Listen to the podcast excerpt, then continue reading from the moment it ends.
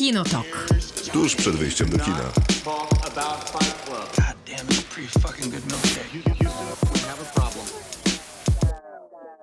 Krzysztof Majewski, Maciej Stasierski. to jest Kinotok i dziękujemy za odtwarzanie tego Kinotoku. Tych odtworzeń jest coraz więcej, co nas cieszy, bo Kinotokowa rodzina się powiększa.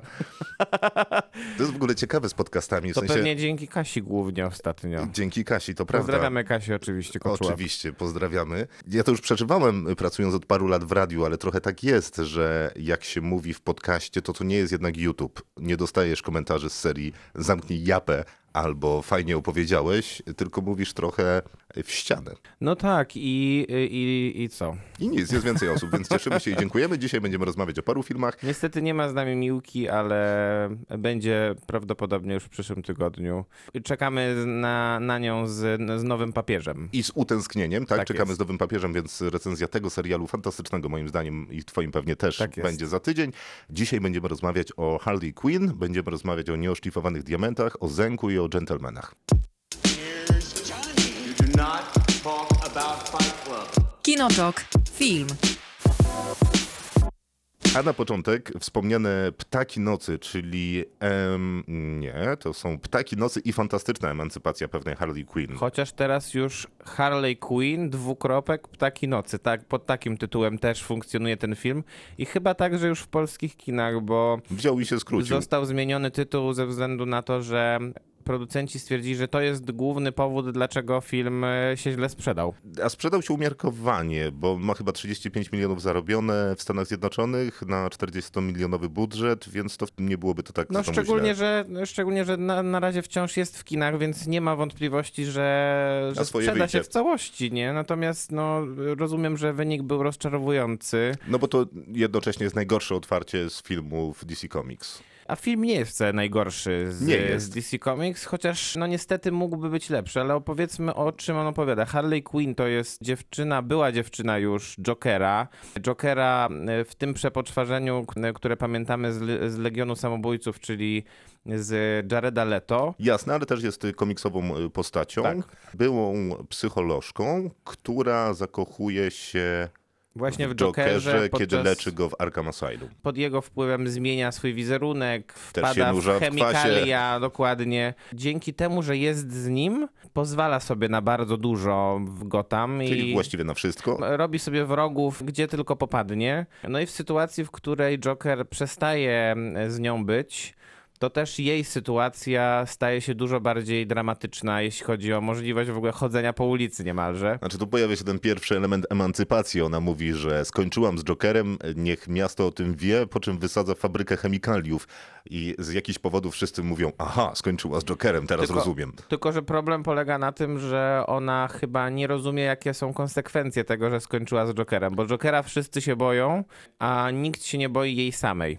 To, że mówisz, że ona nie jest świadoma konsekwencji swoich wyborów, to chyba jest dobra e, recenzja jakby struktury fabularnej tego filmu, bo ona jest bardzo chaotyczna i rozumiem, że Katy Young i Christina Hodson, która pierwsza wyreżyserowała film, druga napisała, takie miały, miały założenie, że to będzie taka opowieść mniej więcej jak umysł Harley Quinn, czyli bardzo impulsywny, bardzo chaotyczny, ale jednocześnie fajny, ciekawy i fascynujący.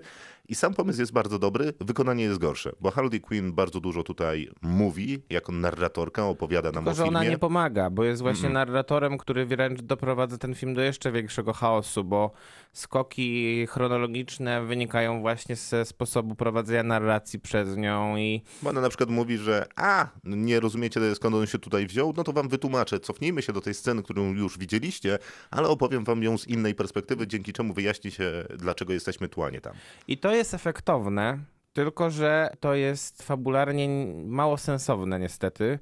Już abstrahując od tego, że problem z tą fabułą jest jeszcze dodatkowy, nie tylko ten cha- chaos, ale też Jej pierdołowatość. ta jej właśnie szczątkowość, bo, Bo je- jeżeli, jeżeli Mhm. cały konflikt fabularny jest oparty o tym, że pan, który go gra Ian McGregor, czyli Roman Sionis, tak dobrze, dobrze pamiętam Tak, Roman Sionis. postanawia zdobyć diament zamordowanej przed laty mafijnej Potężnej rodziny. Mafijnej rodziny, tak De- jest. W tym diamencie mają być zapisane numery kont i tak dalej, i tak dalej. Do ich fortuny. Tak, i one przez przypadek trochę, trochę w wyniku zbiegów okoliczności, kiedy się poznają różne dziewczyny, bo poza Harley Quinn mamy tutaj jeszcze policjantkę graną przez Rosie Perez, e, łowczynię graną przez Mary Elizabeth Winstead i kierow, kierowczynię, kie, kie, panią, która jest kierowcą tego Romana Sionisa, wcześniej śpiewa u Czyli niego. Czarnego kanarka. Tak, i ona jest grana przez panią, której nazwiska nie jestem w stanie chyba do końca powiedzieć. Journey Smollett Bell, dobrze powiedziałem? Nie mam zielonego pojęcia, szczerze mówiąc. W każdym razie e, te cztery dziewczyny e, przez przypadek spotykają się w jednym miejscu i się okazuje, że wszystkie wiedzą e, po co się spotkały, a mianowicie, żeby bronić tego diamentu albo go odnaleźć przed tym Romanem Sionisem. I to jest właśnie bardzo nieprzyjemne, bo kiedy film ma taką niejasną, meandrującą strukturę fabularną, to bardzo trudno ją się opowiada. Dobre filmy można opowiedzieć w trzech słowach. No, w sensie zresztą, nawet jak się pisze scenariusz, no to pisze się ten tagline i tam w pięciu słowach opowiada się film w jednym zdaniu. A tego filmu nie za bardzo się dało powiedzieć w jednym zdaniu. No chyba, że okej, No chyba, Harley że w ogóle się nie będzie opowiadało o tej fabule. Skupić się można wtedy na aktorskich popisach tej obsady. Bo trochę to ten film proponuje. Zanim ta fabuła, którą opowiedzieliśmy, się zawiąże w filmie, to mija dobre 40 minut. Zanim jakieś pierwsze wydarzenia w związku z tą fabułą się wydarzą, mija chyba jeszcze z pół godziny. Co więcej, problem polega na tym, że cała historia filmu rozgrywa się w, w ostatnich 30 minutach razem z wielkim finałem. Co więcej, problem polega też na tym, że te 40 minut to wcale nie jest taka solidna ekspozycja tych bohaterów, tylko te wrzutki ekspozycyjne są bardzo takie szczątkowe, przypadkowo wrzucane, bo nie do końca wiemy, jakie są, jakie są motywacje na przykład tej kobiety, która jest kierowcą Joana McGregora. Najbardziej znamy chyba motywację em, policjantki, bo ona jest w świecie zmaskulinizowanym, w którym, Ale którym wszędzie nie jest, taka, w stanie... wszędzie jest taka motywacja, bo zarówno ta policjantka, która zawsze jest odsuwana od najważniejszych spraw, a jej I te zasługi jej są sukcesy są ob, obniżane jakby. Tak, przez jakiegoś tam seksistowskiego szefa tej, tego oddziału, w którym pracuje. No podobnie jest z Czarnym Kanarkiem, o którym wspominałeś. Ona z kolei jest przerażona, bo ona pracuje dla tego głównego złego, czyli Romana Sionisa i Iwana McGregora. E, I jej się nie podoba jego brutalność, cały ten męski świat, w którym ona niestety Chociaż tak naprawdę nie żyć. wiadomo, czy to jest jego brutalność, czy to nie jest brutalność tego jego jakiegoś pomocnika, bo tam też jest taka dziwna relacja między, Poczekaj, między bo- Mhm. tym Sionisem a jego pomocnikiem. Wiktorem z, z, z Saszem. tak, dokładnie, który, ja nie wiem, jakaś, ja nie wiem, ja, ja wyczuwałem tam jakieś takie elementy, jakiejś takiej homoerotycznej relacji No bo tam na pewno była jakaś homoerotyczna relacja, tylko ten film jest chyba trochę za mało odważny, żeby to powiedzieć. Dokładnie, a, a z drugiej strony on chyba jest R-rated, e, ten film, czy nie? Yy, więc... e, No właśnie chyba nie jest. I, to jest chyba jego problem. No, być Ponieważ może tak. Na Deadpoola za grzeszny. Na Mhm. Aquamana za mało kiczowaty. Na Jokera z bólem to mówię, ale za prosty. Co, co jest już niesamowite w kontekście, w kontekście No. Jokera, którego tak bardzo właśnie za fabularną wers- e, Prostotę. prostotę krytykujemy, nie? Więc... Dokładnie, więc no jakby żaden nie jest ten film w swojej wyrazistości. No, nie ma nic nowego, nie wnosi jakiegoś powiewu świeżości, czegoś ciekawego do kina superbohaterskie, które w tym momencie już jest naprawdę zgrane. I to nie znaczy, że ten film jest zły, bo on jest całkiem okej. I prawdopodobnie dzięki temu, że ktoś wymyślił sobie jakiś taki koherentny pomysł na wizualny wygląd tego filmu. Podobnie było z Aquamanem, czyli nie wiem, drugim dobrym filmem, który dostaliśmy od y, DC. No jakby tym głównym problemem będzie faktycznie ta fabuła, która jest szczątkowa i pretekstowa, ale sama zabawa aktorskimi popisami jest tutaj naprawdę No niezła. bo popisy są niesamowite rzeczywiście. Tak jak, tak jak już wspominałem, czyli Mar- Margot Robbie, czyli producentka też tego filmu, to jest osoba, która, która umie robić z... Sorry, to mój telefon. Bardzo proszę, która, która potrafi robić złoto ze wszystkiego właściwie, co, czego ostatnio się dotknie. I jako Harley Quinn e, gra tutaj wyśmienicie. Rosie Perez też jest znakomita. Ewan McGregor troszeczkę szarżujący, ale Ale tak- widać, że dobrze się bawi w tej roli. dobrze się bawił. Zresztą wszyscy chyba dobrze się bawili na ekranie. Mhm. Chociaż nie zawsze jest tak, że kiedy aktorzy dobrze bawią się na planie, to widzowie później dobrze bawią No się w zwykle kinie. tak nie jest niestety, e, ale tutaj jeśli chodzi o popisy aktorskie, to ja nie mam jakby żadnych wątpliwości. Nie, nie, ja też nie. Wątpliwości są takie, że nie obudowano tych popisów wpisów aktorskich solidną fabułą. Ale bo, za bo jakby ta jest- fabuła była, to można byłoby, to można byłoby stwierdzić, że to był jeden z najlepszych filmów DC. A no właśnie, bo on ma bardzo duży potencjał, ale niestety rozjeżdża się na tym scenariuszu i prowadzeniu tej narracji.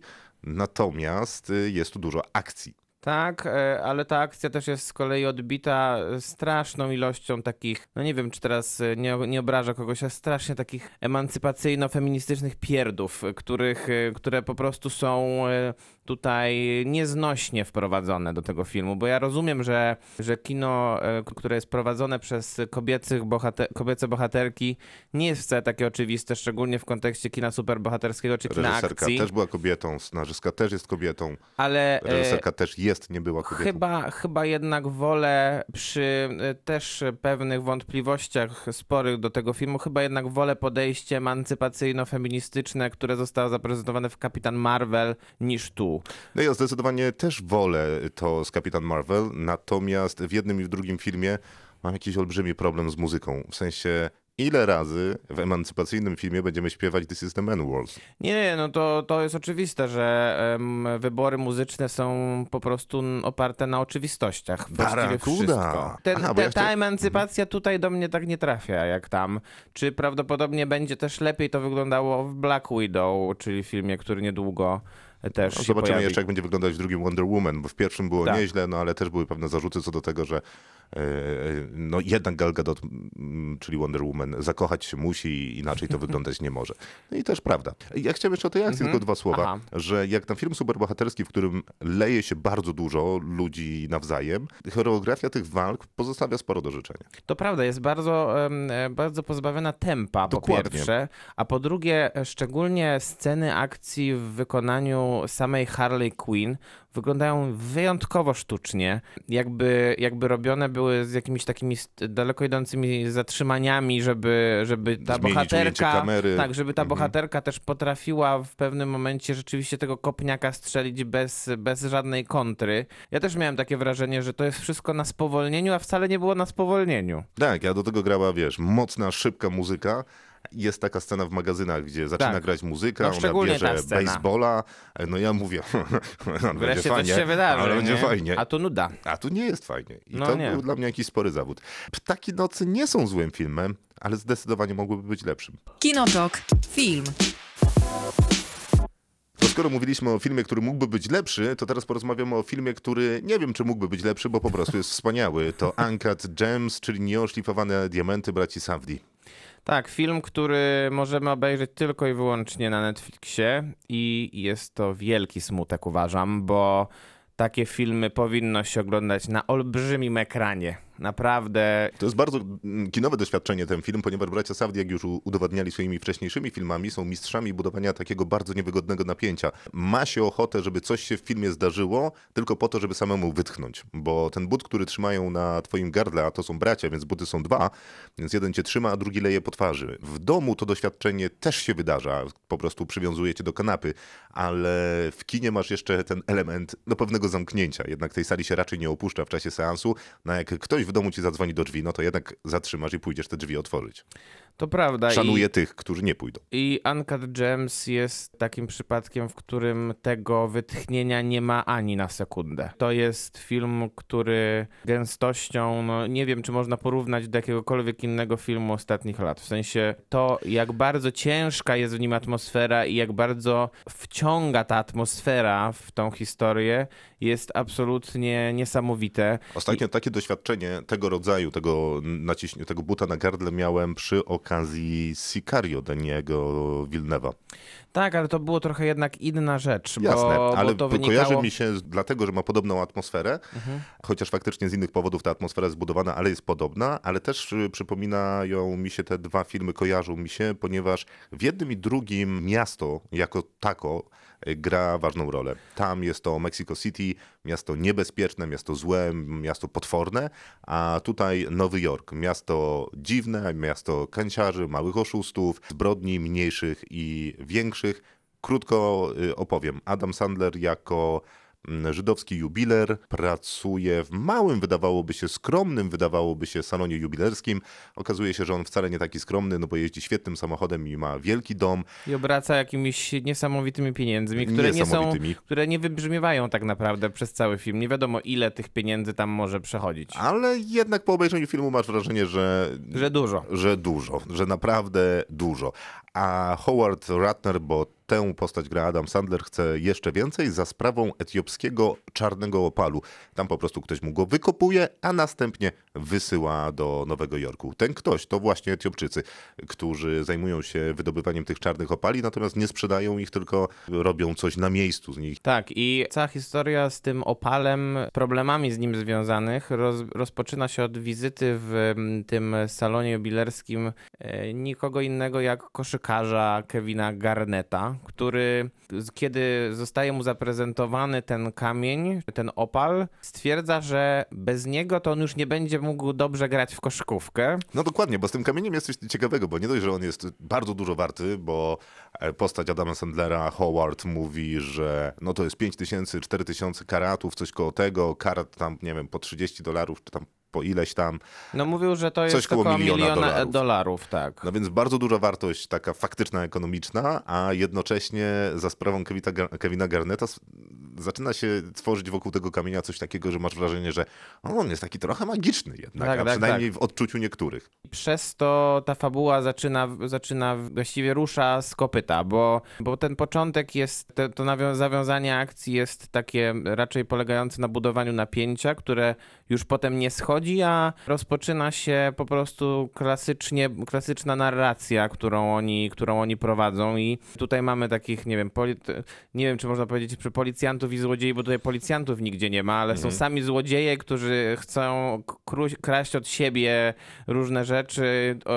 Sandler ma problemy z jedną ekipą, z drugą, z trzecią, z czwartą. Za, To jest jakaś właściwie poważna- same ma problemy. Poważna banda kanciarzy, Tak. którzy kantują się nawzajem. Adam Sandler bez wątpienia nie jest pozytywną postacią y, w tym filmie. Jest bo- najbardziej pozytywną z tych negatywnych w sumie. Tak można powiedzieć, ale jednocześnie, kiedy dostaje pieniądze, żeby móc spłacić dług, to on nie spłaca po prostu długu, tylko bierze te pieniądze i idzie obstawić te pieniądze, żeby zyskać więcej, żeby być może móc spłacić coś jeszcze. Ale z reguły tak nie robi, bo te wygrane pieniądze pójdzie obstawić znowu obstawia, raz jeszcze, tak. bo nie jest w stanie trzymać gotówki przy sobie, I tylko po prostu ją inwestuje. tym, tak, i oczywiście traci na tym e, bardzo często bardzo duże sumy pieniędzy, przez co zadłuża się u kolejnych ludzi. E, I tutaj mamy i chyba Włochów, i też właśnie też elementy dalej żydowskiej jakiejś mafii w Nowym Jorku. Zresztą dobrze powiedziałeś, że Nowy Jork jest tutaj bardzo ważnym bohaterem tego filmu. I koszykówka, bo ty z kolei Tak. wspomniałeś o Kevinie Garnecie, który przychodzi po ten diament, bierze ostatecznie ten czarny opal, e, ale jak mówi Howard Ratner, grany przez Adama Sandlera, nie, to do niego ktoś mówi, że jak to z wami Żydami jest, że wszyscy tak bardzo interesujecie się koszykówką, a wtedy Howard Ratner wygłasza opowieść o tym, że pierwsze punkty w historii NBA Tak zdobył jest. żydowski Tak, zawodnik. Dokładnie. Ale ten Nowy I Jork on właśnie obstawia tylko i wyłącznie mecze NBA. i właściwie obstawia tylko i wyłącznie Garneta. e, I- i Boston od, Celtics. od, od pewnego momentu. No, jak, nie, nie chcę tutaj spoilerować, ale no, rezultaty tego, tego jego obstawiania są Różne. różne i, i w- doprowadzają go do jeszcze większych kłopotów. Ten Nowy Jork jest ważny, bo on jest kurczę tak gęsty też ten Nowy Jork, jak z filmów, jak z najlepszych starych filmów Martina Scorsese. Mhm. Samo to miasto Ale jest zupełnie- przerażające po prostu. Niech, jak bardzo ja chciałem i dalej bardzo chcę go, to miasto odwiedzić, żeby pójść, nie wiem, do Chinatown czy Little Italy, żeby zjeść jakąś super pizzę nowojorską, to aż się strach tam poruszać po tych ulicach. Też bardzo mnie interesowała ta od- odporność Howarda Ratnera na stresowe sytuacje, które dookoła niego się dzieją, bo poza tym, że on pracuje na co dzień w tym salonie jubilerskim, to jednocześnie ma żonę, ma dziecko, ale ma też I ma kochankę, kochankę, która jest w jego wynajmowanym mieszkaniu. w penthouse'ie. I tam e, też musi to w jakiś sposób wszystko układać w taki, tak jak, no nie wiem, to, to w jaki sposób on żonglował tymi spotkaniami z kochanką, z żoną, z dziećmi, to mi trochę, teraz głupie jest to skojarzenie, trochę mi to kojarzyło z tą teatralną komedią Mayday, gdzie był ten, gdzie był ten taksówkarz londyński, który miał dwie żony w dwóch miejscach Londynu i miał taki, taką rozpiskę Która w, kiedy? jakimś tam, w jakimś tam kalendarzu, gdzie mówił, że ranek, poranek z tą, wieczór z tamtą i tak dalej. I tutaj on też to musi sobie tak rozpisywać, bo nie wiadomo tak naprawdę, czy którakolwiek o którejkolwiek wie, y, czy, czy ci ludzie wiedzą o ich wspólnym koegzystowaniu w życiu tego Howarda, tylko tak naprawdę on wie o tym, że oni wszyscy żyją w tym jednym jego bagnie, które on wokół siebie stworzył. No. I zarządza tym bagnem w dodatku. Zarządza, gra go Adam Sandler w roli, za którą powinien dostać Oscara w tym roku jak nic. No albo chociaż nominacje, no Tak. przegapienie Adama Sandlera tutaj jest wyjątkową niesprawiedliwością, ale Oscary są za nami, już i nagadaliśmy o nich, więc Tak. gadać więcej nie będziemy. Natomiast bardzo mi się podoba w tym filmie sposób, w jaki on opowiada ten Nowy Jork, bo z jednej strony on ma pewien rozmach i dużo się o samym mieście dowiadujemy, ale z drugiej strony jest to bardzo klaustrofobiczny film, bo w zasadzie cały czas jesteśmy zamknięci w tym salonie jubilerskim, który ma bardzo charakterystyczny brzęczyk, który Tak. otwiera drzwi. To są takie, taka śluza bezpieczeństwa, żeby ewentualnie ktoś go nie okradł zbyt łatwo. No jest w tym filmie No i tam- niesamowita scena, a właściwie dwie niesamowite sceny związane z tym brzęczykiem i z tym, z tym otwarciem na ten magnes. Mianowicie jedna, w której dwuponadmetrowy koszykarz Kevin Garnett zostaje zamknięty pomiędzy jednymi a właśnie. drugimi drzwiami i nie da się tego otworzyć i to naprawdę ta scena trwa dobre 5 minut, kiedy oni się starają y, cokolwiek zrobić, jakieś tutaj y, śrubokręty No, jakieś wyciągają. opiłki metalu, tak, tak. dokładnie. Sam się dusisz, y, mimo że nie jesteś zamknięty między tymi dwoma parami drzwi. No, a druga to jest jedna z ce- scen finałowych, kiedy której te- nie powiemy kiedy, nic. te- no tak, nie opowiemy. Dokładnie. Ale ten brzęczyk działał dla mnie podobnie jak dźwięki na przykład w Dunkierce albo w ogóle w filmach Mhm, Christophera Nolana, na przykład w Interstellar było podobnie. W sensie on wyznaczał rytm tego filmu. Podobnie na przykład jak w Lighthouse, ta bucząca latarnia. No tak, tak, to jest dobre porównanie bardzo. I przez to ten intensywny, obłąkany rytm wybija jeszcze dobitniej właśnie dźwiękiem tego brzęczyka. Jakoś po tym filmie zostaje bardzo mocno w człowieku ten dźwięk, e, który porządkuje trochę chaos, a jednocześnie dominując go w odczuwaniu. No właśnie, właśnie nie wiem, czy chaos to jest dobre słowo, bo ja ze słowem chaos kojarzę poprzedni film braci Safdie, czyli Good Time z Robertem Pattinsonem w roli głównej. Film nie pokazywany w Polsce na żadny w dystrybucji, Mhm. tylko, tylko na festiwalach, między innymi na American Film Festival. No Film, widzisz, który, mhm. który fabularnie i jakby jeśli chodzi, o, jeśli chodzi o sposób budowania atmosfery był podobny, natomiast tam bracia Safdie po prostu w pewnym momencie nie wiedzieli, kiedy nacisnąć hamulec i według mnie ten film rozpadł się fabularnie w końcówce, która była tak już przeszarżowana i przerysowana, że nie dało się uwierzyć w ogóle w, to, w te wydarzenia. Tutaj ten e, hamulec, czy nie wiem czy hamulec, albo, albo chirurgiczna precyzja została zastosowana w budowaniu tej fabuły i przez to od pierwszej do ostatniej minuty tego ponad dwugodzinnego filmu, no wchodzimy w to, i w tę fabułę, w tą narrację i nie jesteśmy w stanie wyjść z podziwu, jak bardzo ona jest wiarygodna wciąż. Okej, bardzo y, dobra wycieczka semantyczna, natomiast nie, naprawdę, bo ja miałem też problem z Good Times, y, głównie dlatego, że on na początku w ogóle mnie nie angażował, później był taki krótki moment, w którym powiedziałem, okej, to jest naprawdę coś y, mocnego i zaczyna na mnie naprawdę mocno działać, po czym przeszarżował w drugą stronę Dokładnie. I, i, i znowu przestał działać. A Anka James ma tę właściwość, że działa od pierwszej sekundy tego filmu do absolutnie ostatniej, chociaż pod koniec też byłem już trochę zmaltretowany tym filmem i mówię, no nie, to, to chyba no bez przesady niemożliwe, że przecież by jeszcze raz zrobił coś takiego. No są jakieś granice prawdopodobieństwa, ale później mówię, nie, no może, może jednak nie ma. Może on po prostu jest uzależniony, no bo oglądanie tego filmu z perspektywy Adama Sandlera, czyli Tak, no to jest jedyna perspektywa, którą ten film narzuca. Jasne, Howarda Rattera, ale y, jako uzależnionego od y, hazardu, no to też jest jakiś pomysł na interpretację, bo on najprawdopodobniej jest uzależniony od y, hazardu, od tej adrenaliny niepewności, E, miedznicy dużej wygranej. Ja byłem zmęczony tym filmem, ale w zupełnie jakby nie, nie negatywny sposób. To było takie zmęczenie, Oczywiście. którego się chce od kina, je- jeżeli się dostaje kino naprawdę takie intensywne, które, które w każdym możliwym momencie właściwie wali człowieka po głowie. W ogóle super ciekawe są takie nawiązania, na przykład Howard Ratner, który prawie od, nie wiem, od trzeciej minuty filmu dowiadujemy się, że ma poważne długi u jakichś poważnych gangsterów, którzy... Mhm. Wszędzie ma te długi. Wszędzie, no ale te, te powiedzmy są najpoważniejsze. jak Harley Quinn, jak wychodziła z ulic Gotham, to spotykało ją za każdym razem jeden, każdy kolejny, w każdym kolejnym miejscu miała jakieś takie spotkanie z jakimś przeciwnikiem, to tutaj tak samo jest. Jasne, no Co ale chwilę te są... ktoś nie, na niego czyha. Te są najpoważniejsze, no bo są już najbardziej fizyczne. Tam przychodzi dwóch mięśniaków i żąda od tak. niego pieniędzy, grozi mu w najróżniejszy sposób. To się dzieje przez cały film i okazuje się, że właściciel tego długu to jest nikt inny, a, a jak, chyba zięć postaci granej przez Adama Tak, Sandlera. tak, tak, tak, bo Jakaś się dosyć spotykają, bliska rodzina. bo się przecież spotykają na jakiejś takiej rodzinnej kolacji, gdzie też poznajemy z kolei jak- Teścia. teścia w postaci granej przez Sandlera, który też ma bardzo istotny, e, który też jest, staje się bardzo istotnym elementem tej fabuły później. który też jest jakoś makabrycznie Tak, bogaty. dokładnie, bo I po prostu przychodzi i bogaci, nagle a wyciąga zupełnie- 200 tysięcy dolarów i, i nie ma z Dobra, tym problemu wiesz, żadnego, nie? Luzik. A zupełnie tych pieniędzy w filmie nie czuć, co No nie czuć ciekawe. sobie, co, co nawet, nawet sam wizerunek Sandlera Jest mało taki, bogaty. Taki właśnie mało bogaty, to jakieś takie małe, to jakieś takie okularki, jedne, jedna, jedna kurtka skórzana. Nawet jak się ubierze w garnitur, to nie wygląda jakoś em, niesamowicie Ale to może efektownie. taki styl krawiecki. E, Zaznaczmy, że w filmie gra też The Weeknd.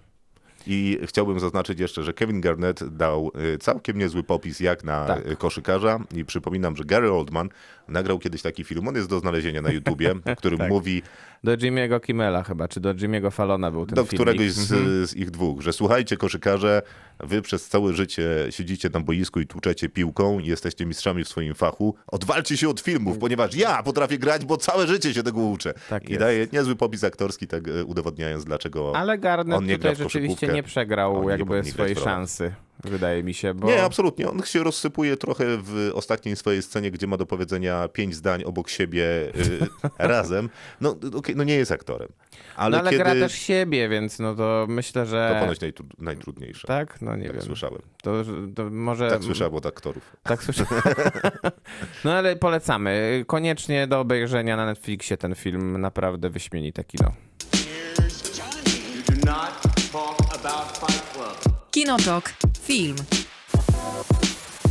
To teraz będzie o filmie, który miał bardzo duży potencjał, żeby być filmem znakomitym, bardzo duży potencjał, żeby opowiedzieć kawał ciekawej historii Polski, kawał rozrywkowej historii Polski.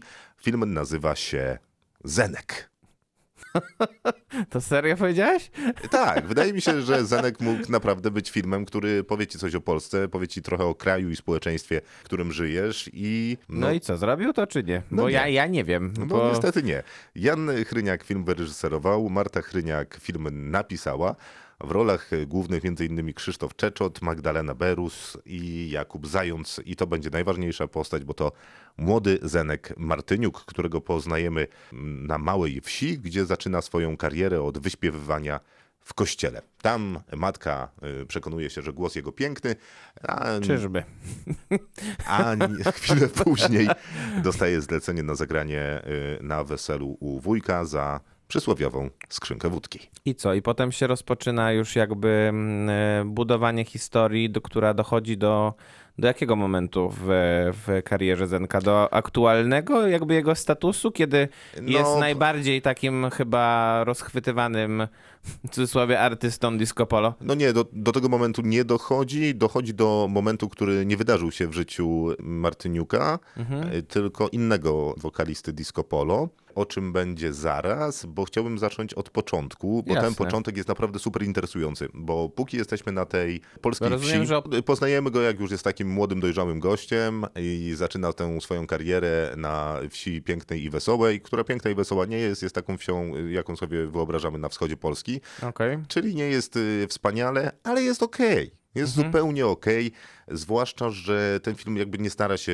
pokazywać jakiegoś wyobrażonego wizerunku Polski, tylko mówi tak jak było, że są tu zarówno wierzący prawosławni, jak i katolicy, są też y, cyganie i to zresztą u cyganów ten młody y, Zenek się uczy śpiewać tych ludowych pieśni, później śpiewa też te kościelne, później śpiewa też te zagraniczne, bo tak zaczyna swoją karierę, nie od śpiewania disco polo, które sam pisze, no tylko śpiewa, no, nie wiem, na przykład, wiesz, Bonnie M, czy Modern Talking, czy cokolwiek No jeszcze myślę, innego. takie rzeczy, które się śpiewało po prostu w tych czasach. No dokładnie, tam gdzie dostał kasetę z Bravo, tam posłuchał, a następnie to są, śpiewał rozumiem, lata sam. 90. początek pewnie, Y, tak? Końcówka lat 80. Mhm, I przechodzimy później do początku lat 90. I niby gdzieś tam widać y, firmy, które kojarzą nam się z przełom 80. i 90. lat, niby płacą właściwą walutą, niby jesteśmy na tych straganach, targach i innych takich, więc jakby ten początek filmu i oddanie charakteru czasów i miejsca,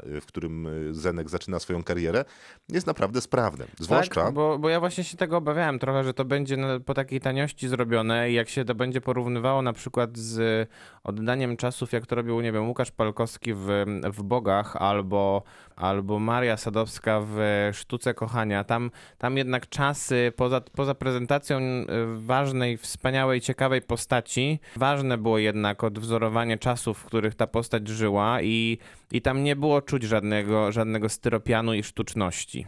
No to jeżeli chodzi o kwestie techniczne, produkcyjne, to ten film wygląda bardzo dobrze.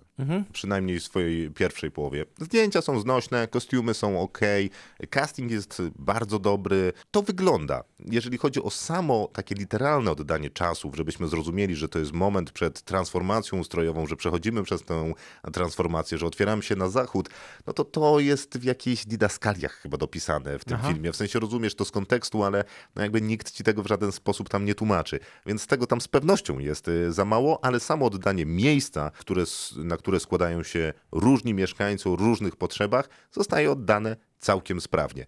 Tylko, że ten film ma mnóstwo problemów, ale jednak największym z nich jest fakt, że film o największej gwieździe disco polo nie prezentuje muzyki disco polo, ani muzyki zespołu Akcent. Prezentuje Zenka jako, jako tako, czy Prezentuje jest, Zenka jako postać, tako, to nawet pytanie jest padają takie, słowa, czy to jest że... postać, która jest, która jest warta zrobienia filmu, według jakby scenariusza, Nie. który został zrobiony. Nie, nie. No właśnie, bo to chyba jest też pro... Ja trochę czytałem o tym, że, że bardzo mało jest Zenka w Zenku. Tak, ta historia bardzo długo się wlecze. On Mhm. najpierw śpiewa No tak, na ten film trwa dwie godziny. Ta, ale ta historia jakby bardzo długo się rozbudowuje, bo najpierw śpiewa na weselach, później śpiewa na małych imprezach, później śpiewa na większych imprezach, w międzyczasie się zakochuje, znowu gra na tych, wiesz, większych... Magdalenie Berus. Tak, później gra na większych dniach ziemniaka, lo lokalnych dożynkach. Jakby to cieszy przez pierwsze 20-30 minut i nawet nieźle się to ogląda. No tylko w końcu zadajesz sobie pytanie, no dobra, ale to zmierza dokądś? No nie wiem, coś się wydarzy? Ciekawszego niż y, fakt, że śpiewał najdłużej na jakimś tam konkursie zespołów około ludowych Kocha i Tańcz. No i okazuje się, że zmierza donikąd, bo A. nagle jest beznadziejne, niewytłumaczalne cięcie tej historii i przechodzimy do starszego Martyniuka, czyli już granego przez Krzysztofa, Czeczota. e, Mhm. dokładnie, przez Krzysztofa Czeczota i jesteśmy w zupełnie innym momencie, czyli w takim klasycznym momencie, który zawsze się pojawia w biopikach o gwiazdach y, muzyki, czyli jest nawalony jak Messerschmitt, wiesz, nie wytrzymuje ciężaru kariery. A wtedy przechodzimy do momentu, który mm, wydarzył Tylko się o w tym karierze. chyba nic nie wiadomo tak naprawdę, jeśli chodzi o Zenona Martyniuka samego. O te pijaństwa? No, No. coś tam być... Znaczy obstawiam, że jak każda gwiazda pewnie Disco Polo musiał mieć taki okres po prostu, bo Jasne. Disco Polo miało e, swoją niesamowitą popularność w okresie lat 90.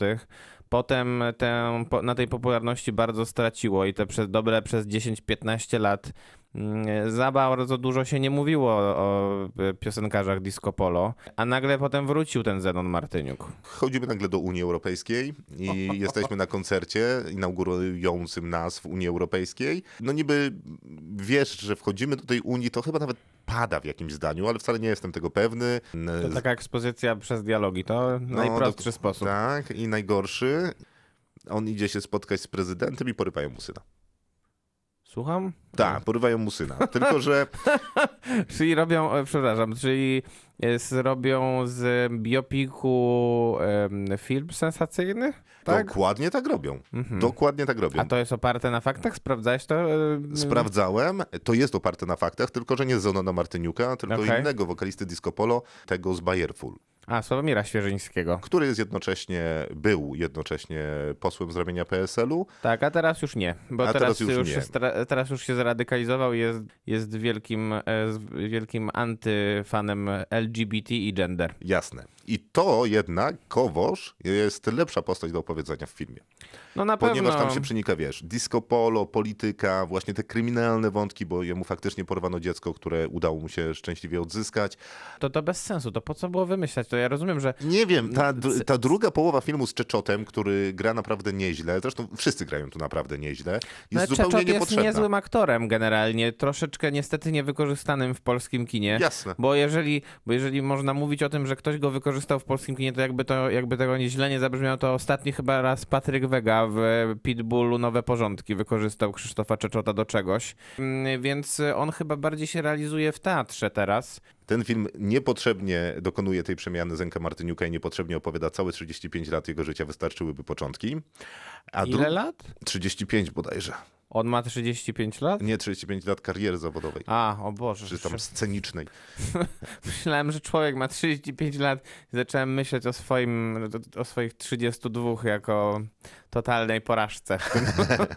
A drugi problem jest y, taki, że ten film w pewnym momencie zaczyna być bardzo źle opowiadany, nie, nie bardzo wiadomo po co, może właśnie przez to, że chcieli wszystko naraz opowiedzieć, ponieważ jak coś tam w fabule nie idzie, to pojawia się kamera, taka, która jest współcześnie w filmie, jest tam jakaś taka wymyślona telewizja Disco Rex bodajże i oni przepytują Ryśka, czyli keyboardzistę zespołu Akcent i Zenka i pytają, no to jak to było? No i oni gdzieś ich oprowadzają i tłumaczą, a I i, wtedy, i wtedy Zenek zrobił coś tam i ciach, i jedziemy dalej z tą fabułą.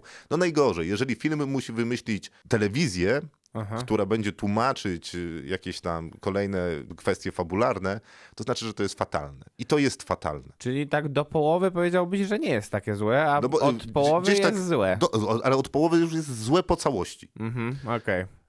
Bo mniej Bo ja więcej w połowie pamiętam- po raz pierwszy chyba pojawia się ta telewizja Rex. Ja pamiętam, był jakoś tak parę lat temu taki film, który się nazywał Disco Polo. Był, Eee. był, był, był. Ale to był y, film, w którym się dużo śmiano, dużo robiono takiej miny, ha, ha, ha, ale nikt się tym disco polo na poważnie nie zajął. Nie, i tam postacią taką na trochę, trochę na modłę, wydaje mi się, Zenona Martyniuka był taki producent Disco Polo grany przez Tomasza Kota i wydaje mi się, że to było chyba, na podstawie tego oczywiście, co mówisz, chyba, chyba portret Zenona Martyniuka bardziej wiarygodny i ciekawszy był w wykonaniu Tomasza Kota granego, grającego tam niż tu. Może, wiesz co, no tam jest dużo problemów. Ten Jakub Zając śpiewający tym falsetem takim No tak jak Zenek śpiewa. tak jak Zenek śpiewa, no to, to A wypada... oni śpiewają? Na, Naprawdę na, na, śpiewają? na potęgę. Aha. Tylko no widzisz, to nie Tylko jest nie disco, disco polo. polo. Oni najwięcej śpiewają y, Modern Talking, takim najważniejszym numerem, który śpiewa Jakub Zając Klarze Biela w C. Mhm. Y, żeby się rozkochać ją w sobie, to jest Never Ending Story. No to nie jest Disco Polo. Story. I, I nie jest to też Modern Talking, na szczęście. Nie, nie, nie. No i to jest najważniejszy kawałek w tym filmie. No więc Zenek y, jest filmem raczej kiepskim, ale znacznie lepszym Czyli niż bez się spodziewałem. zaskoczenia trochę. Nie, no z dużym zaskoczeniem. Ja myślałem, że będzie fatalny. To na koniec. Produkcyjnie to jest bardzo porządne. Myślałem, że będzie gorzej. Fabularnie jest beznadziejne w drugiej części, jak rozumiem. Tak jest, ale myślę, że ci, którzy ten film robili, mieli do niego trochę serca. Kinotok. Film. To teraz porozmawiamy o dżentelmenach, ale w dresach. Tak, jest to zaskoczenie ten film dla mnie. Gentlemani Gaja. Ricciego. Guy Ritchie zaczyna kręcić też filmy raz w roku, bo przecież w poprzednim roku mieliśmy Aladyna, teraz już niecały rok minął. No tak, ale to zupełnie inne opowieści, bo Guy Ritchie miał przerwę od y, w zasadzie swojego jestestwa, rdzeni y, y, reżyserskiej, czyli angielskiej gangsterki. Tak, miał dużą przerwę, bo poprzedni chyba jego film, który jakkolwiek tego dotykał, to był Rock'n'Rolla, a no wcześniej... nie, no wcze- ostatni, który jakkolwiek tego dotykał, to był Król Artur. No tak, ale to w, inny, to w kostiumie, w innej zupełnie scenerii, a poza tym Król Artur w przeciwieństwie na przykład właśnie do Gentlemanów e, był filmem bardzo na poważnie zrobionym, bez żadnego takiego oddechu komediowego. A tutaj tego oddechu jest mnóstwo, bo Gentlemani opowiadają generalnie historię, która jest oparta w całości praktycznie na postaci, którą, którą gra Matthew McConaughey. On jest takim e, na- narkotykowym królem e, Wielkiej Brytanii. Ale y, Wielkiej Brytanii czy Londynu jako takiego? Nie wiem, nie, nie powiedziałbym, że Londynu jako takiego, bo większość jego, większość tych e, miejsc, w którym produkuje marihuanę, bo on się zajmuje tylko marihuaną, są poza Londynem w, pod, pod różnego rodzaju zameczkami, które, które w całej Wielkiej Brytanii istnieją po prostu. A to, że niby kupuję zameczek, będę, y, dokonam renowacji ale w piwnicy ma pole marihuany? Dokładnie tak. No ładnie. I, I opłaca jeszcze, właściwie nie kupuje tego zameczka, tylko Ja- dzierżawi go i ja opłaca. nic nie sugeruję, ale wiesz ile jest zamków na Dolnym Śląsku? I pałaców? Czyli powinniśmy to zrobić, czy powinniśmy nakręcić o tym film? Powinniśmy sprawdzić, czy ktoś tego nie robi. A, no możliwe, że to powinniśmy zrobić. I Matthew McConaughey chce odejść na emeryturę i znajduje sobie człowieka, który mógłby to od niego kupić. I tego mm, człowieka, który, który nosi imię Matthew, gra taki aktor Jeremy Strong. Tylko, że ta cała operacja troszkę ma. Pro... Zaczynają się ro- robić różne, różnego rodzaju problemy z tą operacją. Y, O tych problemach opowiada właściwie, opowiada się właściwie w takiej rozmowie pomiędzy bohaterem, którego gra Hugh Grant, który jest e, takim trochę detektywem, trochę takim rzezimieszkiem, nie wiem jak to nazwać do końca. Jest taką postacią bardzo niejednoznaczną, jednoznacznie komediową. Wspaniała rola w ogóle Hugh Granta. Z drugiej strony mamy aktora, który grał w Król Arturze główną rolę, Charlego Hunama i on jest takim drugim człowiekiem McConaughey, jego prawą ręką. Więc mamy e, sytuację, w której oni się spotykają w domu Hunama. Hugh Grant opowiada mu o swoim śledztwie związanym z tą całą operacją. Czy Hugh Grant opowiada o tym śledztwie i gra w tym filmie tak jak "Ym, Hugh Grant ma Nie. w zwyczaju? Nie, absolutnie nie. Hugh Grant jest w tym filmie rewelacyjny i gra dokładnie wbrew swojemu ekranowemu emploi. Jest brzydki, jest bardzo postarzony, jest zrobieni z jego takiego wręcz menela. No to dziękuję, kropka, idę oglądać. No i on opowiada o tym, co odkrył w ramach swojego śledztwa, które robi z kolei dla jednego z e, redaktorów naczelnych, jednego z brukowców londyńskich, który chce skompromitować mm, Tego króla króla narkotykowego. narkotykowego. Tak. I, I on się zastanawia tak naprawdę, co zrobić. Czy sprzedać te wszystkie informacje, które, które uzyskał temu redaktorowi naczelnemu, czy sprzedać, ale zdecydowanie za zdecydowanie wyższą sumę? Matthew McConaughey, żeby nikt e, o tych całych machinacjach się nie dowiedział. W tą fabułę zostają jeszcze wtłoczeni, zostaje jeszcze wtłoczonych kilka innych postaci, innymi żona Matthew McConaughey, którą gra aktorka znana z Downton Abbey Michelle Dockery, Colin Farrell, który gra takiego trenera boksu, który chodzi rzeczywiście w takich bardzo eleganckich dresach. Coś jest z tym boksem u Gaja Ritchiego, Tak. przypominam Brada Pitta jako cygańskiego mistrza boksu. Dokładnie. I tutaj mamy też e, takiego człowieka, który tu jest takim e, też trenerem życia dla tych swoich podopiecznych,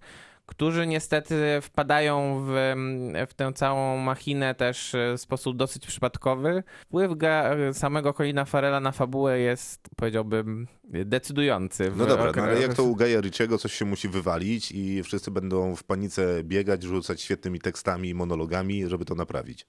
Tak, i ten film właśnie taki jest, tylko że, pro, tylko że jakby y, plus tego filmu jest taki, że te monologi, te dialogi między nimi są deklamowane przez wspaniałą obsadę, bo cała ta obsada od lewa do prawa po prostu gra tutaj najlepiej y, od lat, wydaje mi się. Matthew McConaughey jest przecież znakomitym aktorem, który, który od dawna nie miał niestety nic ciekawego do grania y, w Hollywood.